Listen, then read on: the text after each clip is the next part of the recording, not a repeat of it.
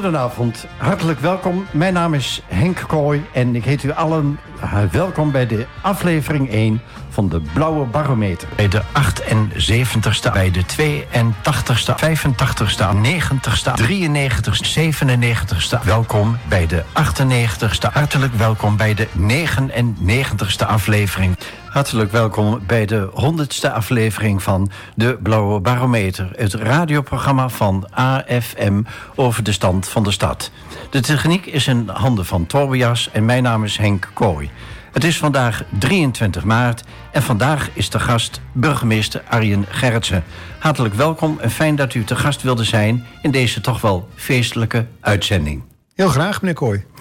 We gaan meteen beginnen met de actualiteit, want daar kunnen we toch niet omheen. En dan doe ik met name op de uitslag van de provinciale statenverkiezing van woensdag 15 maart. En weliswaar heeft 80% van de kiezers niet op de BBB gestemd, maar door de winst van diezelfde BBB kan er toch gesproken worden van een aardverschuiving. En in Almelo behaalde de BBB 17% van de stemmen en op de tweede plaats kwam de VVD met 10%.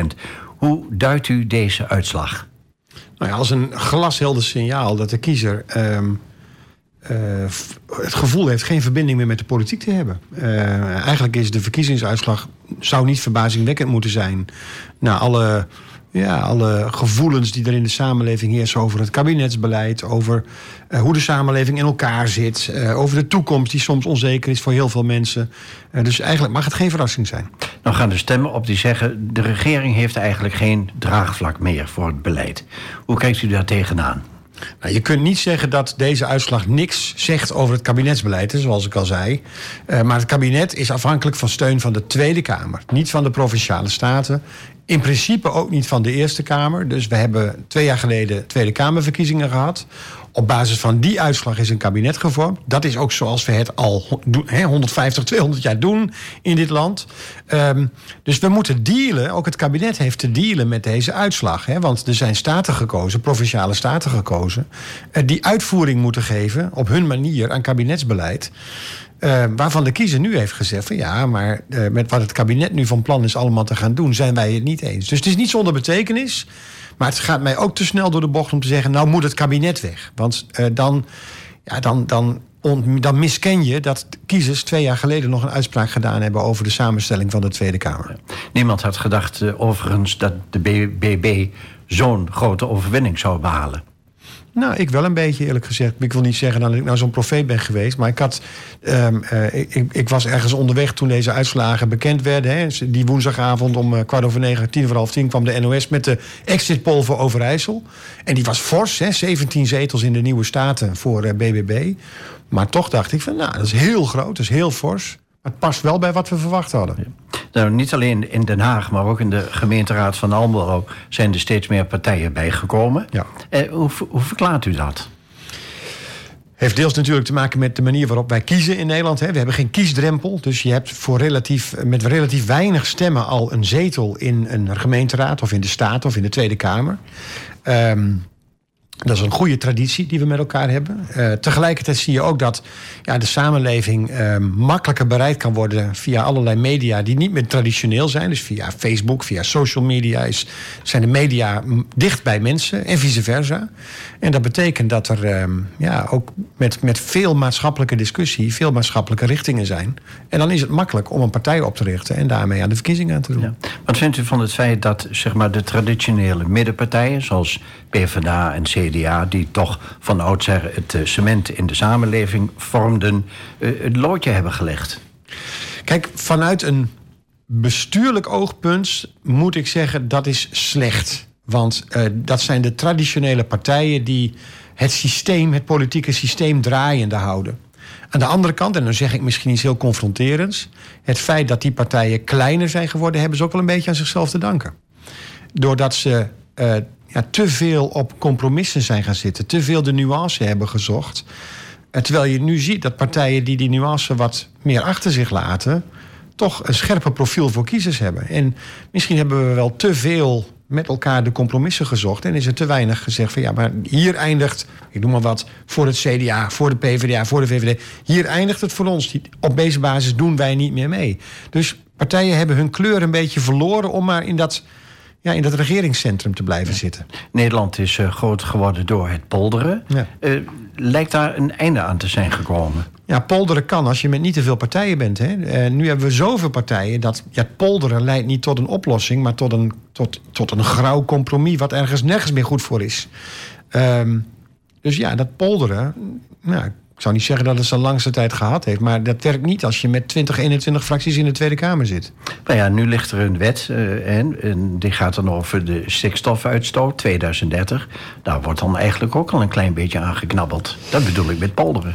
Uh, ja, dat, dat klopt. Uh, uh, je ziet nu dat, uh, ja, ik, nogmaals, ik ben niet helemaal thuis in het stikstofdossier. Ik heb nu zelf een beetje het idee dat, nou ja, als we maar van 2030 naar 2035 gaan, zijn de boeren tevreden. Ik denk niet dat dat zo is. Uh, de, dus daarmee is men nog niet uitgepolderd. Nee. na de vier gebruikelijke stellingen vraag ik u over de maatschappelijke onvrede die er toch heerst. Mm -hmm.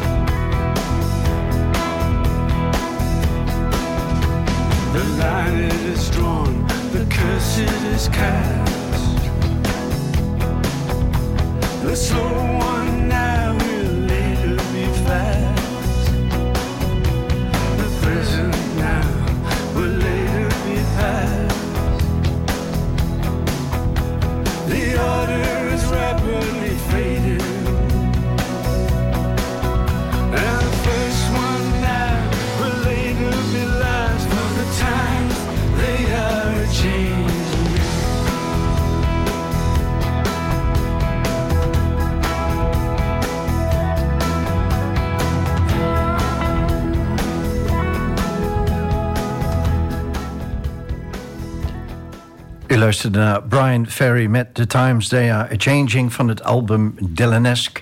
Um, Arjen Gerritsen, van waar dit uh, verzoeknummer? Nou, in de eerste plaats omdat ik een uh, geweldige uh, fan van Brian Ferry ben... en van Roxy Music, hè, de band waar hij de lead vocal van was. maar ook wel de tekst. Hè. Dit is een, een, een, lied van Bob Dylan ehm, uit, als, als een protestsong. Hè, en de onrust in de jaren 60, 70... die eigenlijk ook zingt over gewoon let op, oudere generatie. De, de tijden zijn aan het veranderen. Het water is aan het stijgen, zegt hij ook letterlijk. Uh, en als je niet oppast, dan verdrink je daarin. dus je moet mee in, die, in die verandering van de tijd. Dus ik vond hem ook wel passen bij het thema van een aantal dingen waar we het vandaag over gaan hebben. Ja, mooi. Uh, We beginnen met eh, de eerste stelling, maar in deze feestelijke en honderdste uitzending van de Blauwe Barometer. Stelling 1. Er is een grote kloof tussen de provincies van de Randstad en de overige provincies. Ja, eerder ja dan nee. Ja. ja. er zit wel een nuance in, maar die ga ik nu even voor oppassen. Want um, ons land is niet zo groot. Hè. We zijn geen Verenigde Staten met een oostkust en een westkust. Hè. Dus we moeten het ook niet overdrijven. Maar in de manier waarop mensen de overheid beleven, de provincie beleven, de, de bestuurlijke cultuur en de volkscultuur beleven, zit er echt wel een verschil. Ja, dat klopt. En dus het antwoord is eerder ja dan nee. Nederland uh, is zo groot als Californië. Of Californië is zo groot als Nederland, uh, heb ik uh, wel eens gelezen. Dus we moeten het wel ook wel een klein beetje relativeren. Precies. Hè. Dus, um, ik, ik heb morgen een afspraak in het westen van land.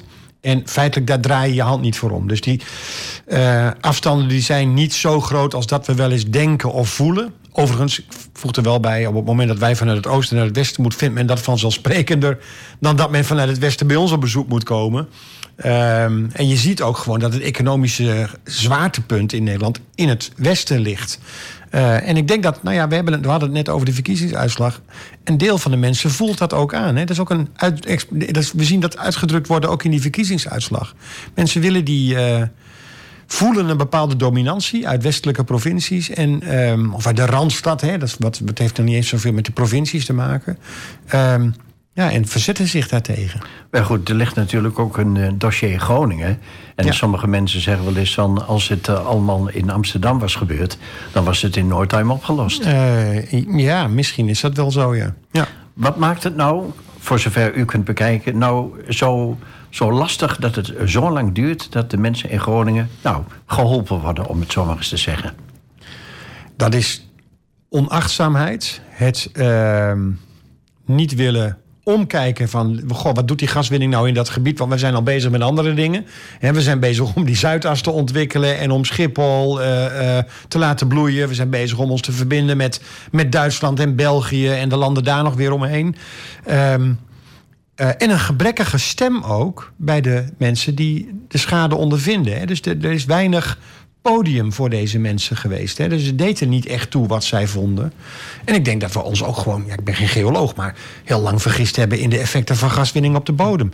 Nu blijkt hè, dat er al jaren geleden onderzoeken waren uh, die uh, bij de NAM kenbaar maakten van joh, die bodem die gaat bewegen als je het gas eruit haalt, daar moet je wat mee gaan doen blijkt dat dat onder de pet gehouden is. Uh, vanwege die grote economische belangen. En ja, die regio heeft te weinig mondigheid gehad en gekregen om dat punt te maken. We gaan uh, naar stelling 2, want die ligt een klein beetje in het verlengde van stelling 1. De tegenstelling stad-platteland is de oorzaak van veel maatschappelijke onvrede. Nee, dat is niet zo. Dat geloof ik niet. Ik denk niet dat, uh, de, de, dat dat eh, dat verschil tussen stad en platteland is niet de oorzaak van maatschappelijke onvrede. De oorzaak van maatschappelijke onvrede is, een, denk ik, een onzekere wereld, een uh, niet responsieve overheid, hè, dus die, die niet reageert, meebeweegt op wat er maatschappelijk nodig lijkt te zijn. Uh, uh, en dat is ook het, ja, de, de, economische ontwikkelingen. Het feit dat sommige mensen heel makkelijk meekomen en andere mensen achterblijven. Ik, ben, ik denk echt dat, dat armoede, economische achterstand, sociale achterstand, daar zit. Als je, dat als je dat wegneemt bij mensen, dan los je heel veel problemen op. Dan los je uh, problemen met jongeren op, met jeugdzorg, uh, met, met, uh, misschien ook met criminaliteit, met onvrede. Mensen moeten welvaart hebben. En dat hoeft niet. Mensen, niet iedereen is een miljonair. En dat, niemand. En ik denk niemand hier in de studio ook niet. Maar we hebben het goed. En er zijn heel veel mensen die het niet goed hebben die onvrede voelen omdat de problemen die ze, die ze hebben niet uh, geadresseerd lijken te worden. Of omdat ze verdrinken in een bureaucratie die hun omringt als ze met een probleem bij een gemeente of bij een instelling komen. En wat vindt u dan belangrijker, welvaart of welbevinden? Ik denk dat ze hand in hand gaan. Um, geld maakt niet gelukkig, zeggen ze wel eens. Maar als je niks hebt, maakt geld wel degelijk gelukkig. We gaan naar stelling 3 en daar hebben we het eigenlijk uh, in het eerste blokje over gehad. De partijpolitiek is verleden tijd. Ons land is toe aan andere vormen van bestuur en beheer.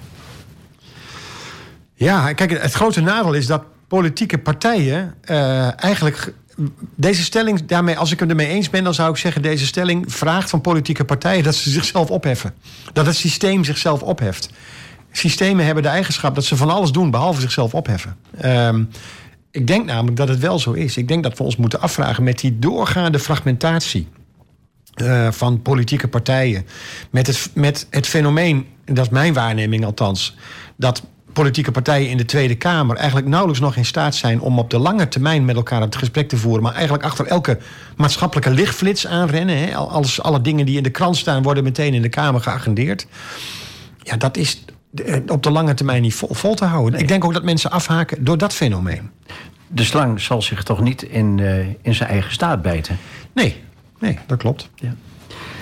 Um, we gaan eventjes naar de vierde stelling, zie ik alweer. Uh, door het verleden begrijpen we het heden veel beter. Ja.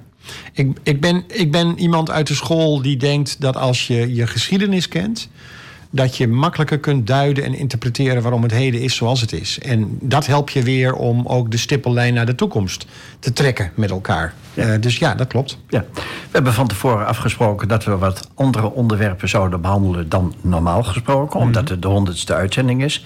En uh, een van de onderwerpen die u heeft gekozen was de maatschappelijke onvrede. Uh, ja, in brede kringen eh, leeft de mening dat er grote maatschappelijke onvrede heerst. En komt die dan zo uit de lucht vallen, wil ik u vragen? Ik geloof dat niet. Ik geloof dat, dat het.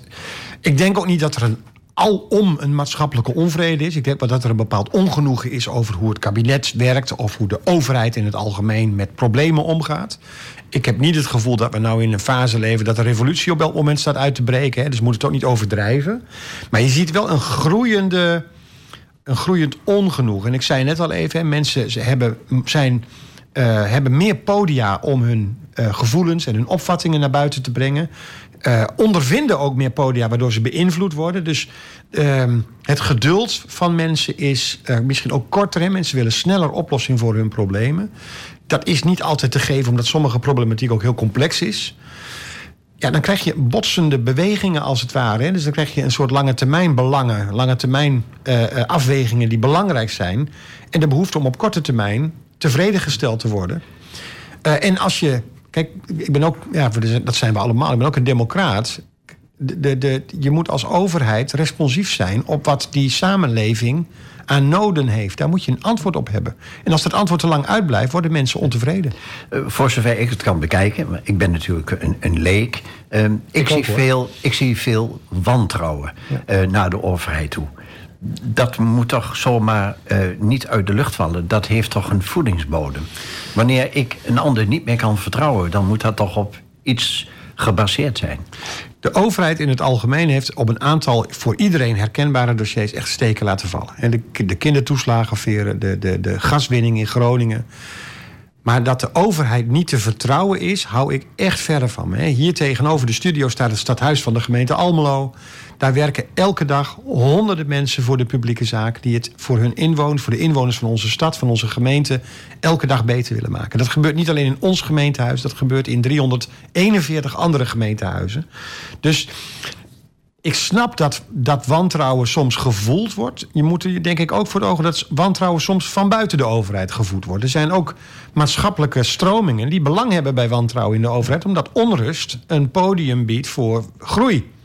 Maar goed, eh, ik wil u even onderbreken, want de overheid zegt een aantal oplossingen toe op een aantal dossiers. Mm -hmm. En vervolgens worden die zaken niet opgelost. Ja. Uh, dus er ontstaat wantrouwen. Ja. Wat moet er dan gebeuren om dat wantrouwen weg te nemen? Waar het sneller kan en beter kan, moet je dat nooit nalaten. Maar als, iets dat, als dat niet kan, moet je dat ook durven te vertellen. Dan moet je ook zeggen: jongens, dit vraagstuk. Ik snap dat jullie dit vraagstuk snel opgelost willen hebben. Maar er zijn een aantal complicerende factoren, die ga ik uitleggen. Daar neem ik verantwoordelijkheid voor. Die maken dat ik het niet eerder kan oplossen. Dus, en ik ben ervan overtuigd, Nederland we denken soms wel eens van niet, maar Nederland bestaat uiteindelijk uit weldenkende mensen. Die als je ze voorhoudt hoe zaken in elkaar zitten, dat je ook begrip kunt vinden voor het feit dat zaken lang, soms langer duren of een andere uitkomst hebben dan je gewenst, uh, gewend, gewend Dus in sommige zaken hebben we iets meer geduld. We hebben ook wat meer geduld naar elkaar toe nodig. Uh, um, en dus ik geloof niet dat er sprake is van een alomgevoeld wantrouwen. Nee. We gaan even naar het onderwerp geschiedenis toe. Ja. Want daarin bent u, heeft u verteld, zeer in geïnteresseerd. En er zijn natuurlijk vast eerder periodes geweest... van grote maatschappelijke uh, onrust en uh, onvrede. Zijn dat volgens u dan bepaalde signalen? En kunt u dan een link leggen met het verleden? nou, ik, vooropgesteld, ik ben geen uh, historicus. Hè, in de zin, ik kan het niet wetenschappelijk benaderen. Ik heb een ongebreidelde interesse in geschiedenis. Maar er zijn natuurlijk in alle tijden wel uh, periodes geweest van maatschappelijke beroering. Die te maken hadden met de ontwikkeling van de mens. Hè. Neem, neem de, de verlichting in de 18e eeuw, waarin mensen wijzer werden. Waarin oude dogma's los, die liet men los. Oude volkswijsheden werden vervangen door wetenschappelijke inzichten, waardoor mensen emancipeerden. Um, de industriële revolutie in de 19e eeuw heeft gemaakt dat mensen opkwamen voor hun rechten. In het einde van de 19e eeuw, begin 20e eeuw, vonden de eerste stakingen plaats in Twente. He, bij de Juttefabriek in Rijssen, dat was, daar waren een, dat was een van de plekken in Nederland waar voor het eerst echt gestaakt werd voor betere arbeidsomstandigheden. Um, dus ontwikkeling van de mens, emancipatie van de mens, leidt altijd een beetje tot een hiccup, he, een drempel waar overheen geschokt moet worden als het ware om in een nieuwe tijd te komen. Maar kunnen we dan misschien zeggen dat we alles al bereikt hebben? Ja, maar ja, ja. Of in ieder geval veel. Ja. Er zijn weinig dingen meer om voor te strijden. Nou, ja, dat weet ik niet. Misschien is er nu zelfs te strijden voor meer evenwicht in de samenleving, voor meer zorgzaamheid naar elkaar toe. Dat voor, is een punt. Misschien is het te strijden tegen een over, overdreven mate van commercialisering en, en individualisering. Wat dat betreft zouden we op een kantelpunt in de geschiedenis kunnen staan. Ja, misschien hebben we wel een grens bereikt waarvan we uh, een, een beetje terug moeten komen. Ja. Er zijn de signalen die we signaleren, misschien een voorteken daarvan. Ja, of misschien zitten we er middenin. Dat kan ook. Hoe is uw interesse voor geschiedenis ontstaan? Ja, dat weet ik eigenlijk niet. Ik, ik, ik, ik kom wel uit een, uit een familie hè, die uh, daar ook wel echt... Nou, vooral mijn, uh, mijn grootvader en mijn, mijn, mijn opa. dat was ook echt een geschiedenis... een, history buff, zeggen ze in het Engels. Had een kast vol met geschiedkundige boeken staan. Dus ehm, ik heb eigenlijk altijd wel die interesse gehad. Ook, ik weet nog dat ik op het... Ehm, lyceum hier in Almelo zat, dat ik uh, uh, nou ja, van mijn docenten geschiedenis, dat ik aan hun lippen hing. Uh, en, en, ook omdat ik het interessant vond, en ik kan snappen dat heel veel mensen dat niet interessant vonden. Ik had ook klasgenoten die er ontspannen achterover hingen. Um, maar om, omdat je, zoals ik net al even zei, je leert, ehm, je begint te snappen waarom het heden in elkaar zit zoals het in elkaar zit. En dus ja, die interesse wordt gevoed door wat je in, je in de werkelijkheid ziet. Maar goed, dat vuurtje hè, van die belangstelling voor de geschiedenis moet toch ergens aangewakkerd zijn. Ja, nou ja, zoals ik al zei, in je eigen uh, uh, uh, omgeving, in, in de boeken die je leest, de plekken waar je op vakantie als klein kind mee naartoe genomen wordt door je ouders, de verhalen die je van je ouders krijgt op bepaalde plekken. Ehm, ja, en dat, dat, zit, dat zit dan ook ergens in je, denk ik. Ja. U heeft veel gelezen, heeft u mij verteld. Wat vond u nou interessante personages of periodes uit de geschiedenis? Wat een hele, ook voor het heden, mooie periode, of belangrijke periode is geweest, ook voor Nederland, is het midden van de 19e eeuw. Het is het ontstaan van het parlementaire stelsel. Uh, nou ja, daar horen namen bij als Torbekke en Van Hal. Uh, uh, het waren belangrijke kopstukken die dat parlementaire Nederland het parlementaire tijdperk in hebben geleid. Het was ook de ontstaan overigens van de politieke groeperingen in Nederland. Um, dat is een heel belangrijke fase geweest in de Nederlandse ontwikkeling van het Nederlandse staatsbestel, als het ware. Uh, maar wat ook een hele belangrijke, eigenlijk in diezelfde tijd is geweest, is de emancipatie van, van, van groepen. Mensen die mondig werden, mensen die de, uh, zich niet meer alle kanten lieten opsturen, maar die nou ja, vakbonden oprichten om hun belangen te behartigen. die een vuist maakten tegen uitbuiting. en nou ja, kijk even dan in het begin van de 20e eeuw, waarbij die emancipatie, met name van de, van de arbeider in Nederland, uh, van, van een, een, een, een monddode situatie. Uh, een grote belangrijke politieke stroming zijn geworden. We kunnen natuurlijk niet uh, alles behandelen nee, in, de, in een uur. Maar als u nou een dagje met iemand uit de geschiedenis zou mogen meelopen, wie zou dat dan zijn? Ja, dat is meer vanwege de romantiek van die tijd. Dat is met Jan de Wit. De, de, raadspensionaris van Holland. Hele belangrijke, eigenlijk de, de minister-president van Nederland in de, in de 17e eeuw. Hè, in ongeveer 16, 1650, hè, midden van die tijd. De tijd van de, van de grote zwartgerande hoede en de, de grote ja, de VOC, de, de Nederland als wereldmacht.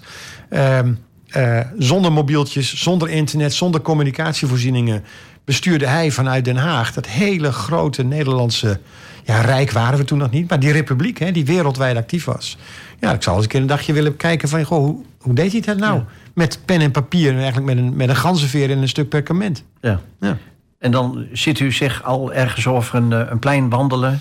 Nou, dat niet. Maar als ik, in, als ik op een, bijvoorbeeld in Den Haag ben, hè, op het, uh, um, uh, als je op een belangrijke plek uit de geschiedenis loopt, die zijn er overal. Ja, dat, dat geeft wel een bepaald uh, gevoel. De bekende geschiedkundige Huizinga, die, uh, die, had, die, die, die, die, gaf daar een heel belangrijk gevoel. Dat is het gevoel dat je hebt met de geschiedenis. Hè. Dus als je op het Binnenhof loopt, ja, dan zie je... Ja, dan heb je een beeld en een gevoel bij wat er allemaal gebeurd is. En op, of op de Dam in Amsterdam. Of, uh, zo zijn er meer plekken in Nederland die geschiedkundig van belang zijn. Waar je dat gevoel kunt hebben. Ja. dat maar ik zie dat... mezelf niet lopen hoor. Dat, uh, dat gaat wel heel ver. En dat boek wat hij heeft geschreven, Hersteden der Middeleeuwen, dacht ja. ik, dat is ja. steeds uh, lezenswaardig. Dat is voor historici, denk ik, een standaardwerk. Ja. Straks vraag ik u over de belangstelling voor de streekgeschiedenis.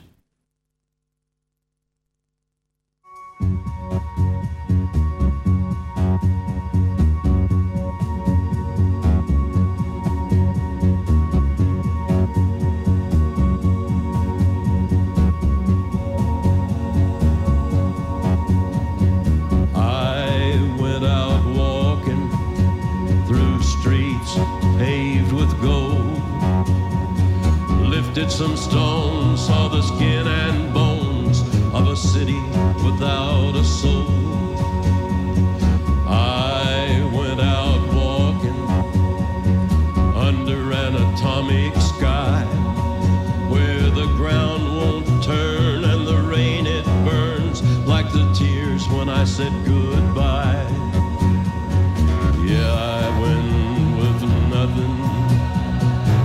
Nothing but the thought of you. I went wandering.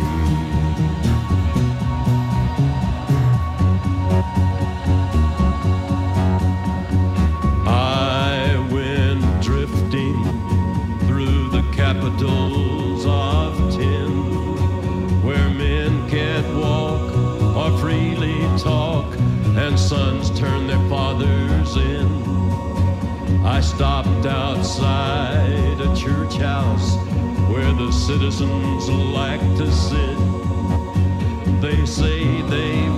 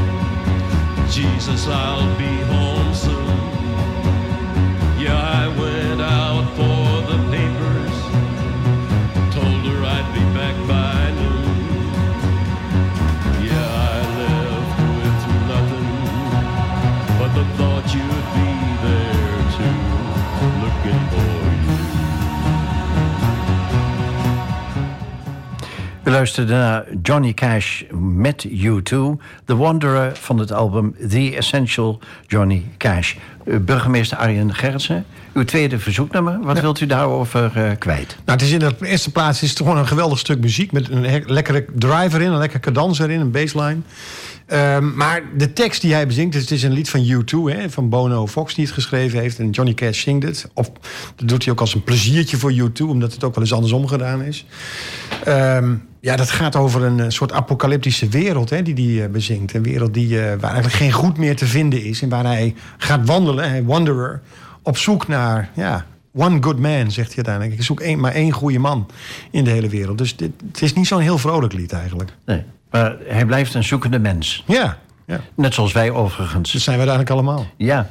Uh, u bent zeer geïnteresseerd in streekgeschiedenis. Ja. Wat is streekgeschiedenis precies? Nou, streekgeschiedenis. Kijk, je, mensen denken bij geschiedenis vaak aan de geschiedenis van landen en volken, de, de, de grote veldslagen en hoe het allemaal zo gekomen is. Maar ook in onze steden en dorpen hebben we geschiedenis en in onze streek. En ook die is bepalend en vormend voor hoe, hoe ons leven er nu uitziet. Um, voor, ook voor onze stad, ook voor, uh, voor Twente als regio, hebben we een eigen geschiedenis. En die is wat meer op microniveau, zou je kunnen zeggen, ten opzichte van ja, wat er in de landen en in de wereld gebeurd is. Ja. En wat kunt u zeggen over de streekgeschiedenis van Twente bijvoorbeeld? Nou, dat die indrukwekkend is. Um, heel vaak wordt gedacht dat het een soort onontgonnen gebied was. En dat is het deels ook natuurlijk wel geweest, maar dit is ook een streek van kastelen, versterkte boerderijen, van strijd. Uh, van, uh, van opbouw, van economische ontwikkeling en van grote armoede soms ook, maar ook van grote welvaart. Ja, waarom weten wij dan zo weinig over de streekgeschiedenis van Twente, van Almelo bijvoorbeeld? Ja, dat, is, dat, is, dat zou eigenlijk uh, uh, niet zo moeten zijn. Hè? Want er is ongelooflijk veel geschreven over de geschiedenis van streek en stad. Uh, we hebben een fantastische historische kring in onze, in onze, in onze, in onze stad. Uh, zo zijn er ook in andere plaatsen heel veel van die organisaties die zich daarop toeleggen om mensen te vertellen over de geschiedenis van hun, van hun woonomgeving, van hun leefomgeving. Dus het zou niet zo over te zijn. We hebben variërend van het tekenen en beschrijven van, van oude boerderijen. Hè, uh, uh, dat in de jaren dertig al gebeurde. Tot het beschrijven van de oorlogsgeschiedenis. Het beschrijven van de vroegere geschiedenis. Dus er is genoeg voorhanden. Ja. Maar wat, wat kan die streekgeschiedenis ons dan leren? Hoe kan die ons verrijken? Nou ja, als je als je, je afvraagt waarom bijvoorbeeld onze stad eruit ziet zoals die eruit ziet. Uh, ja, dan moet je toch even terugkijken. Uh, als je bepaalde. Als je weet dat in deze stad de textielfabrieken in de stad en niet aan de rand van de, maar in de stad zaten. Uh, dan weet je ook dat bepaalde delen van de stad eruit zien waarom ze er nu uitzien. De Bendin-fabrieken zaten gewoon uh, tegen de veemarkt, achter tegen de, tegen de Grote Straat Zuid aan, als het ware. Uh, je ziet daar nu eigenlijk allemaal nieuwbouw uit de jaren tachtig. Ja, dat was vroeger een groot fabrieksterrein. dus de vormgeving van de stad wordt heel erg bepaald door de, de geschiedenis van de stad. Het feit dat wij uh, een Twente-centrum hebben achter dat gemeentehuis van ons. Ja, dat was de Twente-fabriek. Daar, daar, daar, dat, waren, dat was de naam van die fabriek. En niet te vergeten het, uh, het Indië-terrein. Het Indië-terrein heet Indië-terrein, omdat dat, die fabriek heette Indië. Uh, en uiteraard dat had te maken met de, de relatie naar ne toenmalig Nederlands-Indië. Uh, maar dat, dat zijn maar kleine voorbeelden van hoe onze geschiedenis ons heeft vormgegeven. Ja. Wat spreekt u zo aan in die streekgeschiedenis? Wat me aanspreekt is, je kunt daar een stuk identiteit aan ontlenen. Ook als je niet hier je wortels hebt liggen, maar als je hier bent gaan wonen of terecht bent gekomen. Um, en je kunt er hulp uit krijgen in het kiezen van hoe nou die toekomst eruit moet zien. Als wij bezig zijn in het centrum van de stad... of als wij de discussie hebben over... we willen weer water in de binnenstad. Dat woord weer, dat, dat zegt iets over... blijkbaar is er dus water geweest vroeger.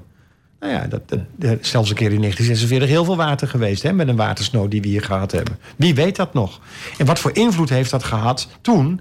op het uitbannen van water in de binnenstad? Ja, en, um, en als ik u goed begrijp dan zorgt de kennis van de streekgeschiedenis ervoor dat mensen zich geworteld kunnen voelen.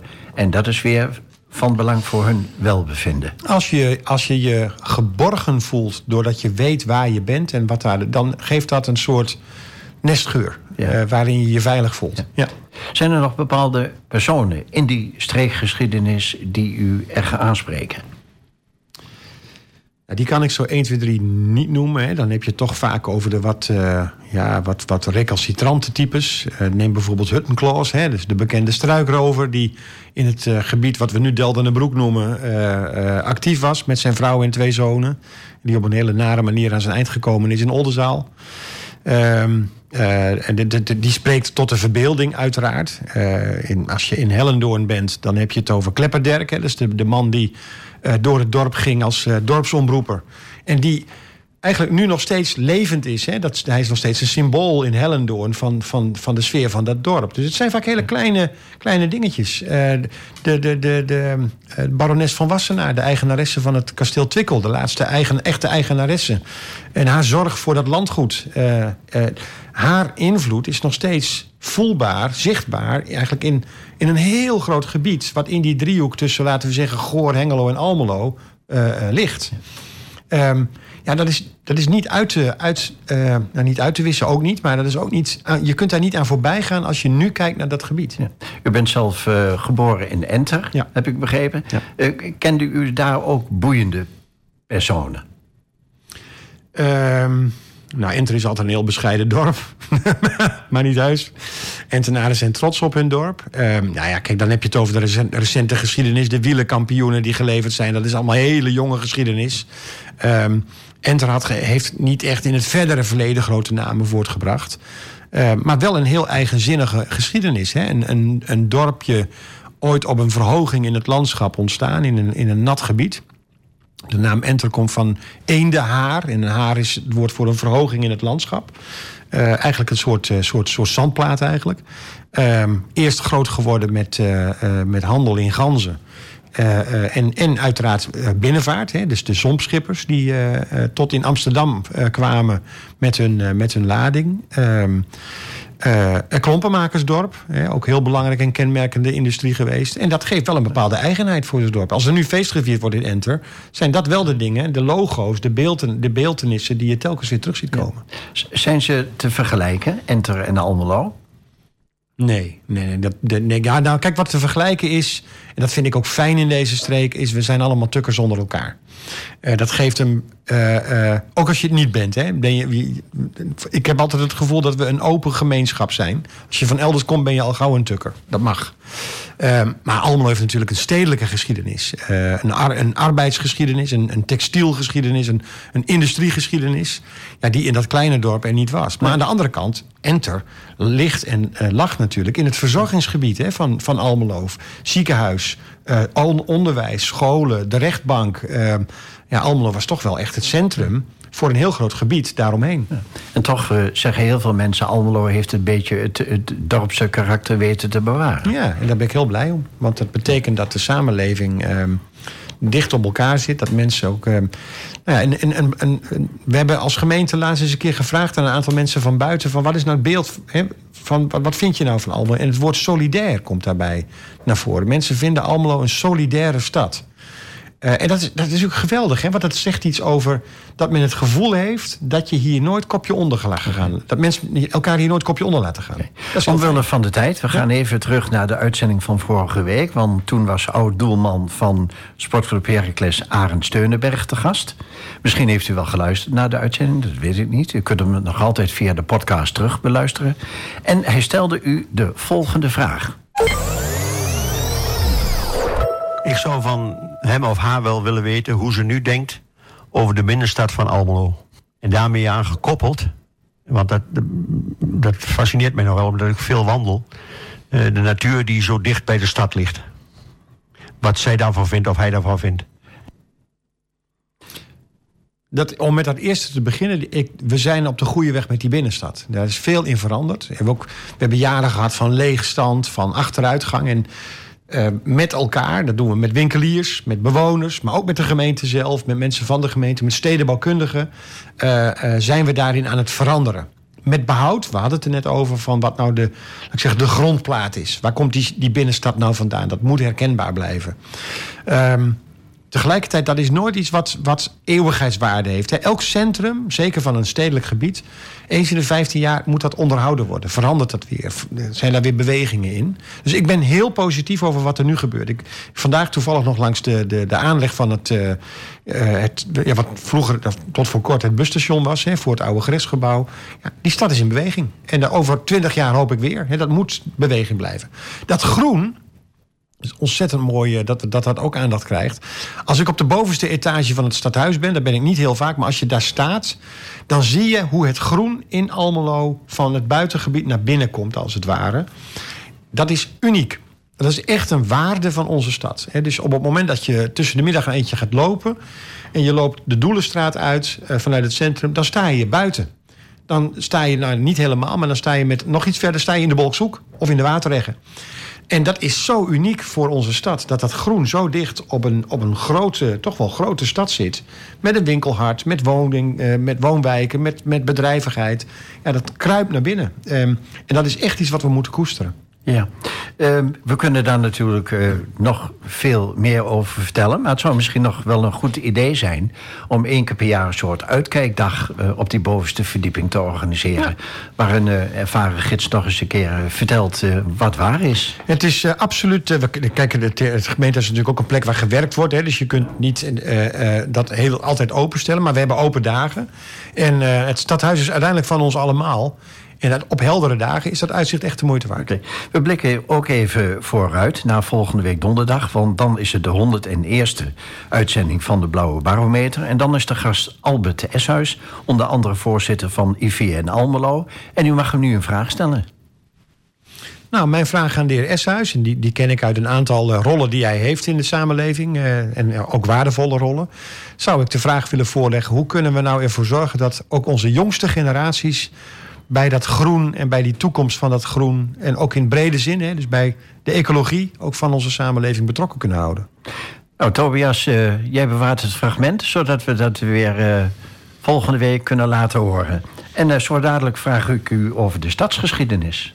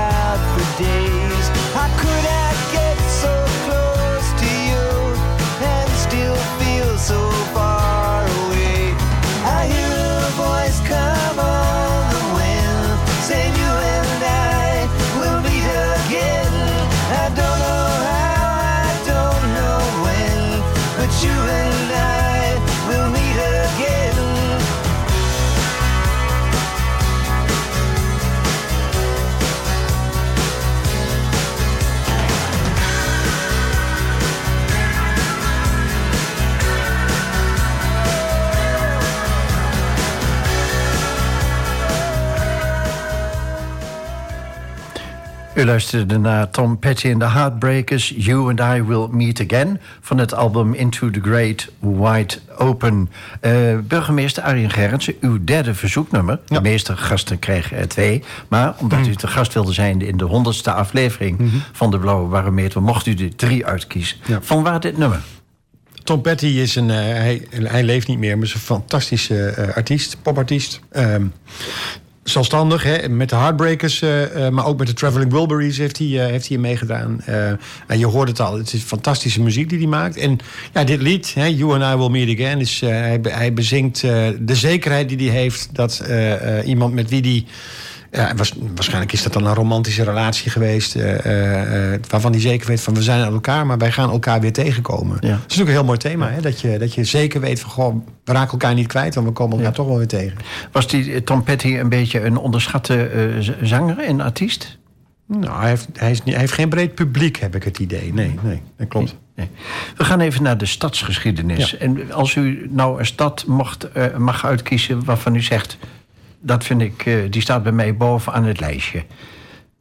Wat zou dat nou zijn? Wat dan? Wat, ja, ja Almelo, Almelo natuurlijk. Ja, nee, zeker. maar we, we, gaan dan. Uh, Almelo, daar hebben we natuurlijk uh, uitgebreid over gesproken. Nou ja, de geschiedenis van Amsterdam is natuurlijk ook wel heel aansprekend. Hè. Er zijn ook hele mooie boeken over geschreven. Um, ja, ook het ontstaan van zo'n kleine middeleeuwse nederzetting die stadsrechten krijgt. Ja, daar aan de Amstel. En uiteindelijk het brandpunt wordt van, van, van handel en, en, en, en, en ontwikkeling. Uh, overigens alleen maar omdat de Spanjaarden Antwerpen veroveren. Hè, want de val van Antwerpen leidde uh, het begin in van de Gouden, Gouden Eeuw voor Amsterdam. Uh, dus nou ja, zo zie je ook weer dat de geschiedenis soms ook bochten maakt... die maakt dat anderen er voordelen, voordelen van hebben. Ja, de een zijn dood is de ander zijn brood. Want Almelo is een heel welvarende stad geweest. Ja. En, en Amsterdam is een gehucht geweest. Uh, ja, dus, soms gaat het de andere kant op. Ja, klopt. Almelo, moet je niet vergeten, was, was ooit de grootste stad van Twente. Uh, met de, de, het middelpunt van allerlei overheidszaken, hè, van rechtspraak tot bestuur, dat zat in Almelo. Ja.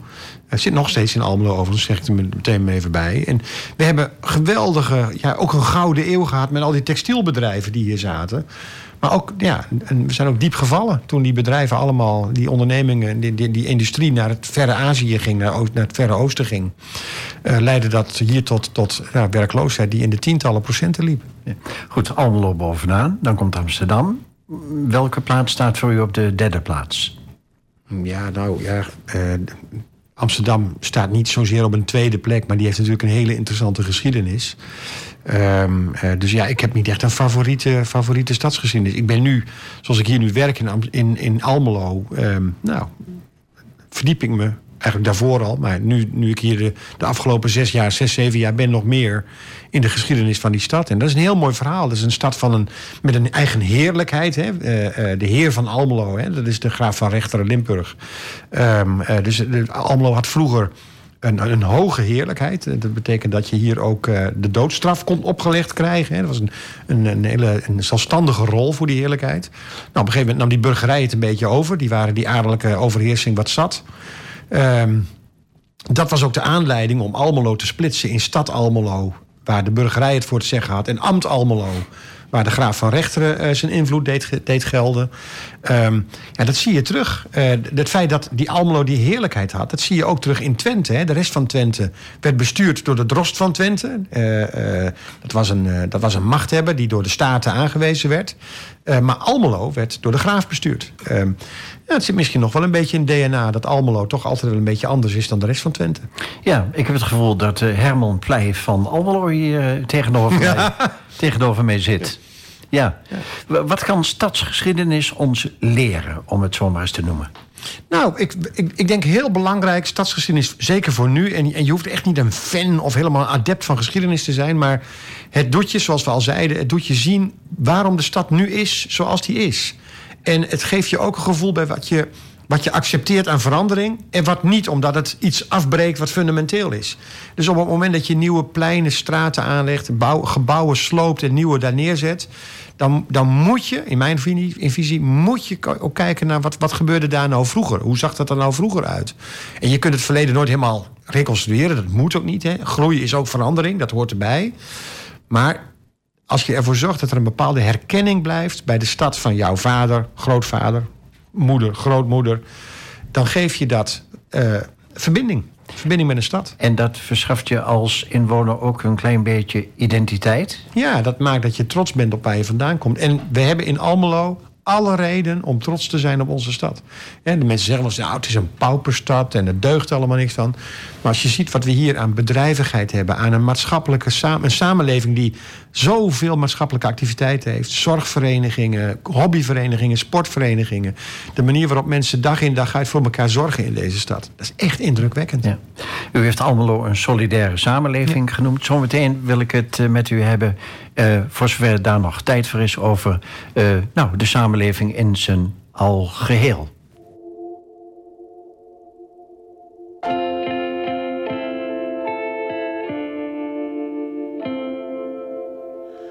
Just the night turns to noon.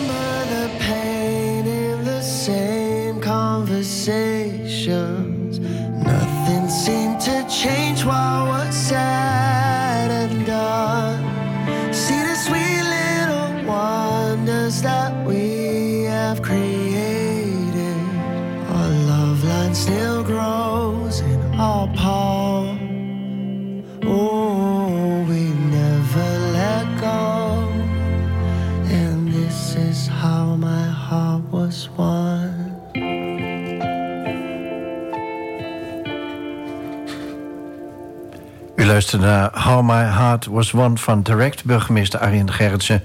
Als we praten over de solidaire samen, samenleving die Almelo toch is in uw optiek. En als we dan praten over nou, de cohesie, hè, de samenhang in de, in de stad zelf. Wat zijn dan vol- volgens u de belangrijkste uitdagingen in Almelo op dat gebied? Een hele belangrijke uitdaging is dat wij eh, iedereen in de stad kunnen meenemen in de energietransitie. We hebben in Almelo heel veel oudere woningen, vaak ook eigen woningbezit. Hè. Niet, niet iedereen woont in een huurwoning. We hebben ook oudere eigen woningen. Waar, forse, waar mensen echt fors moeten investeren om eh, energie-neutraal, misschien is het wel heel ambitieus, maar in ieder geval energievoordeliger te zitten dan ze nu zitten. Ik ben in woningen geweest waar het letterlijk en figuurlijk dwars doorheen waait. Eh, en waar mensen geen inkomen hebben en niet het vermogen hebben, het geldelijk vermogen hebben om daar wat aan te doen. En wat kan Almelo doen voor deze Dat is heel ingewikkeld, want de gemeente kan niet. De gemeente is geen bank, hè. Wij kunnen niet eindeloos daar geld in stoppen. We hebben, we hebben minister eh, Jette en minister De Jong op bezoek gehad om daarover te praten. En ik vind ook dat de, de Rijksoverheid zich daar rekenschap van moet geven. Dat, dat, we hadden het net over dat mensen ook welvaart nodig hebben om welzijn te hebben. We moeten mensen daarin meenemen, omdat we anders heel veel mensen afkoppelen, als het ware. Ja. Eh, dat is een hele belangrijke. En de andere is dat we ervoor zorgen dat jongeren eh, eh, eh, aan de stad gebonden blijven. Dat ze hier hun, gezin willen stichten, hier willen laten, hun kinderen willen laten opgroeien. En dat betekent dat we dus ook voor de, ik zeggen, de middenklasse, de tweeverdieners, eh, mensen die het vrijwilligerswerk doen, die in die stad hun geld uitgeven. Ja, die moet je dus ook binden aan die stad. Je moet ervoor zorgen dat ze niet naar Wierden gaan. Of dat mag wel, kan het niet verbieden. Maar niet naar Wierden of Frieseveen of naar, naar Borne verhuizen. Maar dat ze ook denken, ik wil mij binden aan die stad. Dat is een hele belangrijk. Omdat die stad, ja, dat is een van de pilaren waar die stad op rust. Ja. Waar ligt toch uw grootste zorg de komende jaren? Mijn zorg ligt bij achterstand. Eh, eh, de armoede van mensen, eh, uitsluiting van mensen doordat ze niet meer aangesloten zijn. Dat is, het is zo wezenlijk dat wij eh, mensen op achterstand meenemen. En dat doe je niet door er maar geld in te stoppen. Dat doe je door ze kansen te bieden. Door, ze, door responsief te zijn op wat men nodig denkt te hebben. Onderwijs, huisvesting, een kans op een baan. Eh, dat is het allerbelangrijkste. Zorgen dat mensen zich kunnen en durven blijven ontwikkelen. Het einde van de uitzending is in zicht. Tot slot, wat is uw woord voor de wereld? Eh, wat wilt u sowieso kwijt omdat u er vol van bent... of omdat u gewoon vindt dat iedereen dat moet weten? Als we, met, als we met elkaar ons best doen om de boel bij elkaar te houden, komen we een heel eind. Dus Ja. zorg dat de scherpe kantjes van, het, eh, van de samenleving afgaan. Arjen Gerritsen, burgemeester van Almelo, dank u wel. Graag gedaan. Hartelijk bedankt voor het feit dat u te gast wilde zijn... in de 100ste aflevering van De Blauwe Barometer. En ik wil u hierbij alvast uitnodigen voor de 200ste aflevering.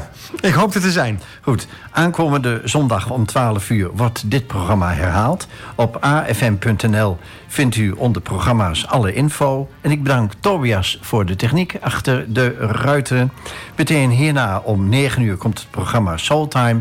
En om 10 uur de draaideur met non-stop muziek.